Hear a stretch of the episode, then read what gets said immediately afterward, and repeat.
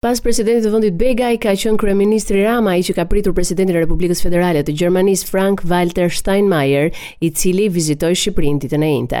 Nder dhe kënaqësi e posaçme vizita sot në kryeministri e presidentit të Republikës Federale të Gjermanisë Frank Walter Steinmeier, ka shkruar kryeministri Rama në Facebookun e tij.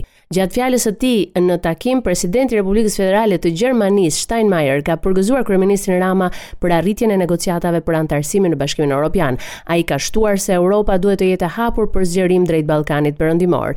Edhe kryebashkiaku Veliaj ka patur një takim me presidentin e Gjermanisë, Steinmeier, dhe së bashku kanë vizituar ambientet e gjimnazit Sami Frashëri me rastin e pesëmbëdhjetë vjetorit të laboratorit të gjuhës gjermane. Gjithashtu, kryebashkiaku Veliaj dhe presidenti gjerman kanë parë nga afër ekspozitën e realizuar nga nxënësit Shkolla në kohën e komunizmit. Gjatë vizitës së tij, presidenti gjerman shoqërohej edhe nga përfaqësues të Zyrës Rajonale për Bashkëpunimin Rinor, si dhe përfaqësues të GIZ Albania. Ambasadori Guido De Sanctis ka filluar detyrën e kryetarit të prezencës së OSBE-së në Shqipëri. Ambasadori De Sanctis është diplomat karriere i Ministrisë së Jashtme edhe i bashkëpunimit ndërkombëtar të Italisë. Përpara se të emërohej kryetar i OSBE-së në Shqipëri, ai ka qenë zëvendës ambasador në ambasadën e Italisë në Moskë. Nga 2013 deri në 2017, ai shërbeu si ambasador i Italisë në Katar dhe nga viti 2011 deri në 2013 si konsull i përgjithshëm i Italisë në Bengazi të Libisë. Gjithashtu ai ka shërbyer në ambasadat italiane në Tripoli, Bern dhe Kiev. Ditën e diel në datë 4 dhjetor do të zhvillohen votimet për primaret në Partinë Demokratike, e cila do të nxjerrë më pas kandidatët që do përfaqësojnë selinë blu në zgjedhjet e 14 majit. Uh, prej rreth një muaji është hapur gara për pjesëmarrje në primaret e PD-s, të gjithë anëtarët e PD-s dhe simpatizantët, të cilët mund të jenë të pajisur me një kartë të posaçme, mund të votojnë në primare. Karta për simpatizantët vlen vetëm për këto votime. Pasi të paraqiten në qendrat e votimit, ata duhet të dorëzojnë kartën dhe do të mund të votojnë. Deri më tani janë deklaruar më shumë se 200 emra të cilët kanë marrë pjesë në primaret e PD-së, ka dhe bashki që kanë vetëm një kandidat në primare. Fushata elektorale ka zgjatur mbi 10 ditë dhe kandidatët kanë paraqitur platformat e tyre. Gara më e fortë pritet të jetë në Tiranë ku garojnë 7 emra: Belind Këlliçi, Gerti Bogdani, Ilir Alimehmeti, Adriana Kalaja, Enkelejda Fejzo, Fatmir Merkoçi dhe Julian Deda.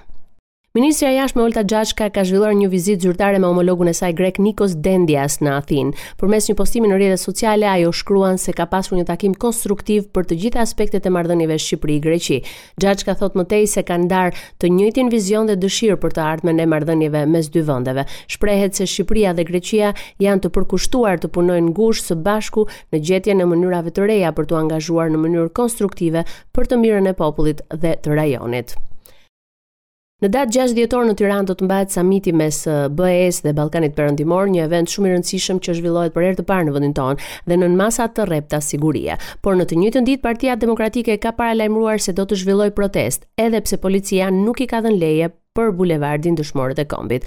Kryetari i Partisë Demokratike Sali Berisha thotë se protesta e 6 dhjetorit do t'i tregojë Europës se Shqipëria ka një kryeministër të rrezikshëm, të cilin Berisha e cilësoi mafioz. Në një bisedë me banorët e njësisë një dhe tre, Berisha shtoi. Edi Rama është tmerruar nga protesta dhe po të kini vu re ju të gjitha antenat e tyre, të gjithë zhur, gazetat dhe portalet e tyre Duan ta paraqesin sikur po bëhet kiameti me datën gjashtë. Me datën gjashtë është triumfi i popullit opozitar, i cili do i thotë Europës dhe botës se ky ky kryeministër është një mafie, është një mafioz i rrezikshëm për popullin e tij, se kjo qeveri është mafioze, se se vërtet ju jeni në Shqipëri, Por, ato që vlerësojnë, ato institucione prendimore që vlerësojnë funksionimin e shtetit ligjor, kanë gjetur tashti Shqipërinë që është 53 vende ndën Kosovën.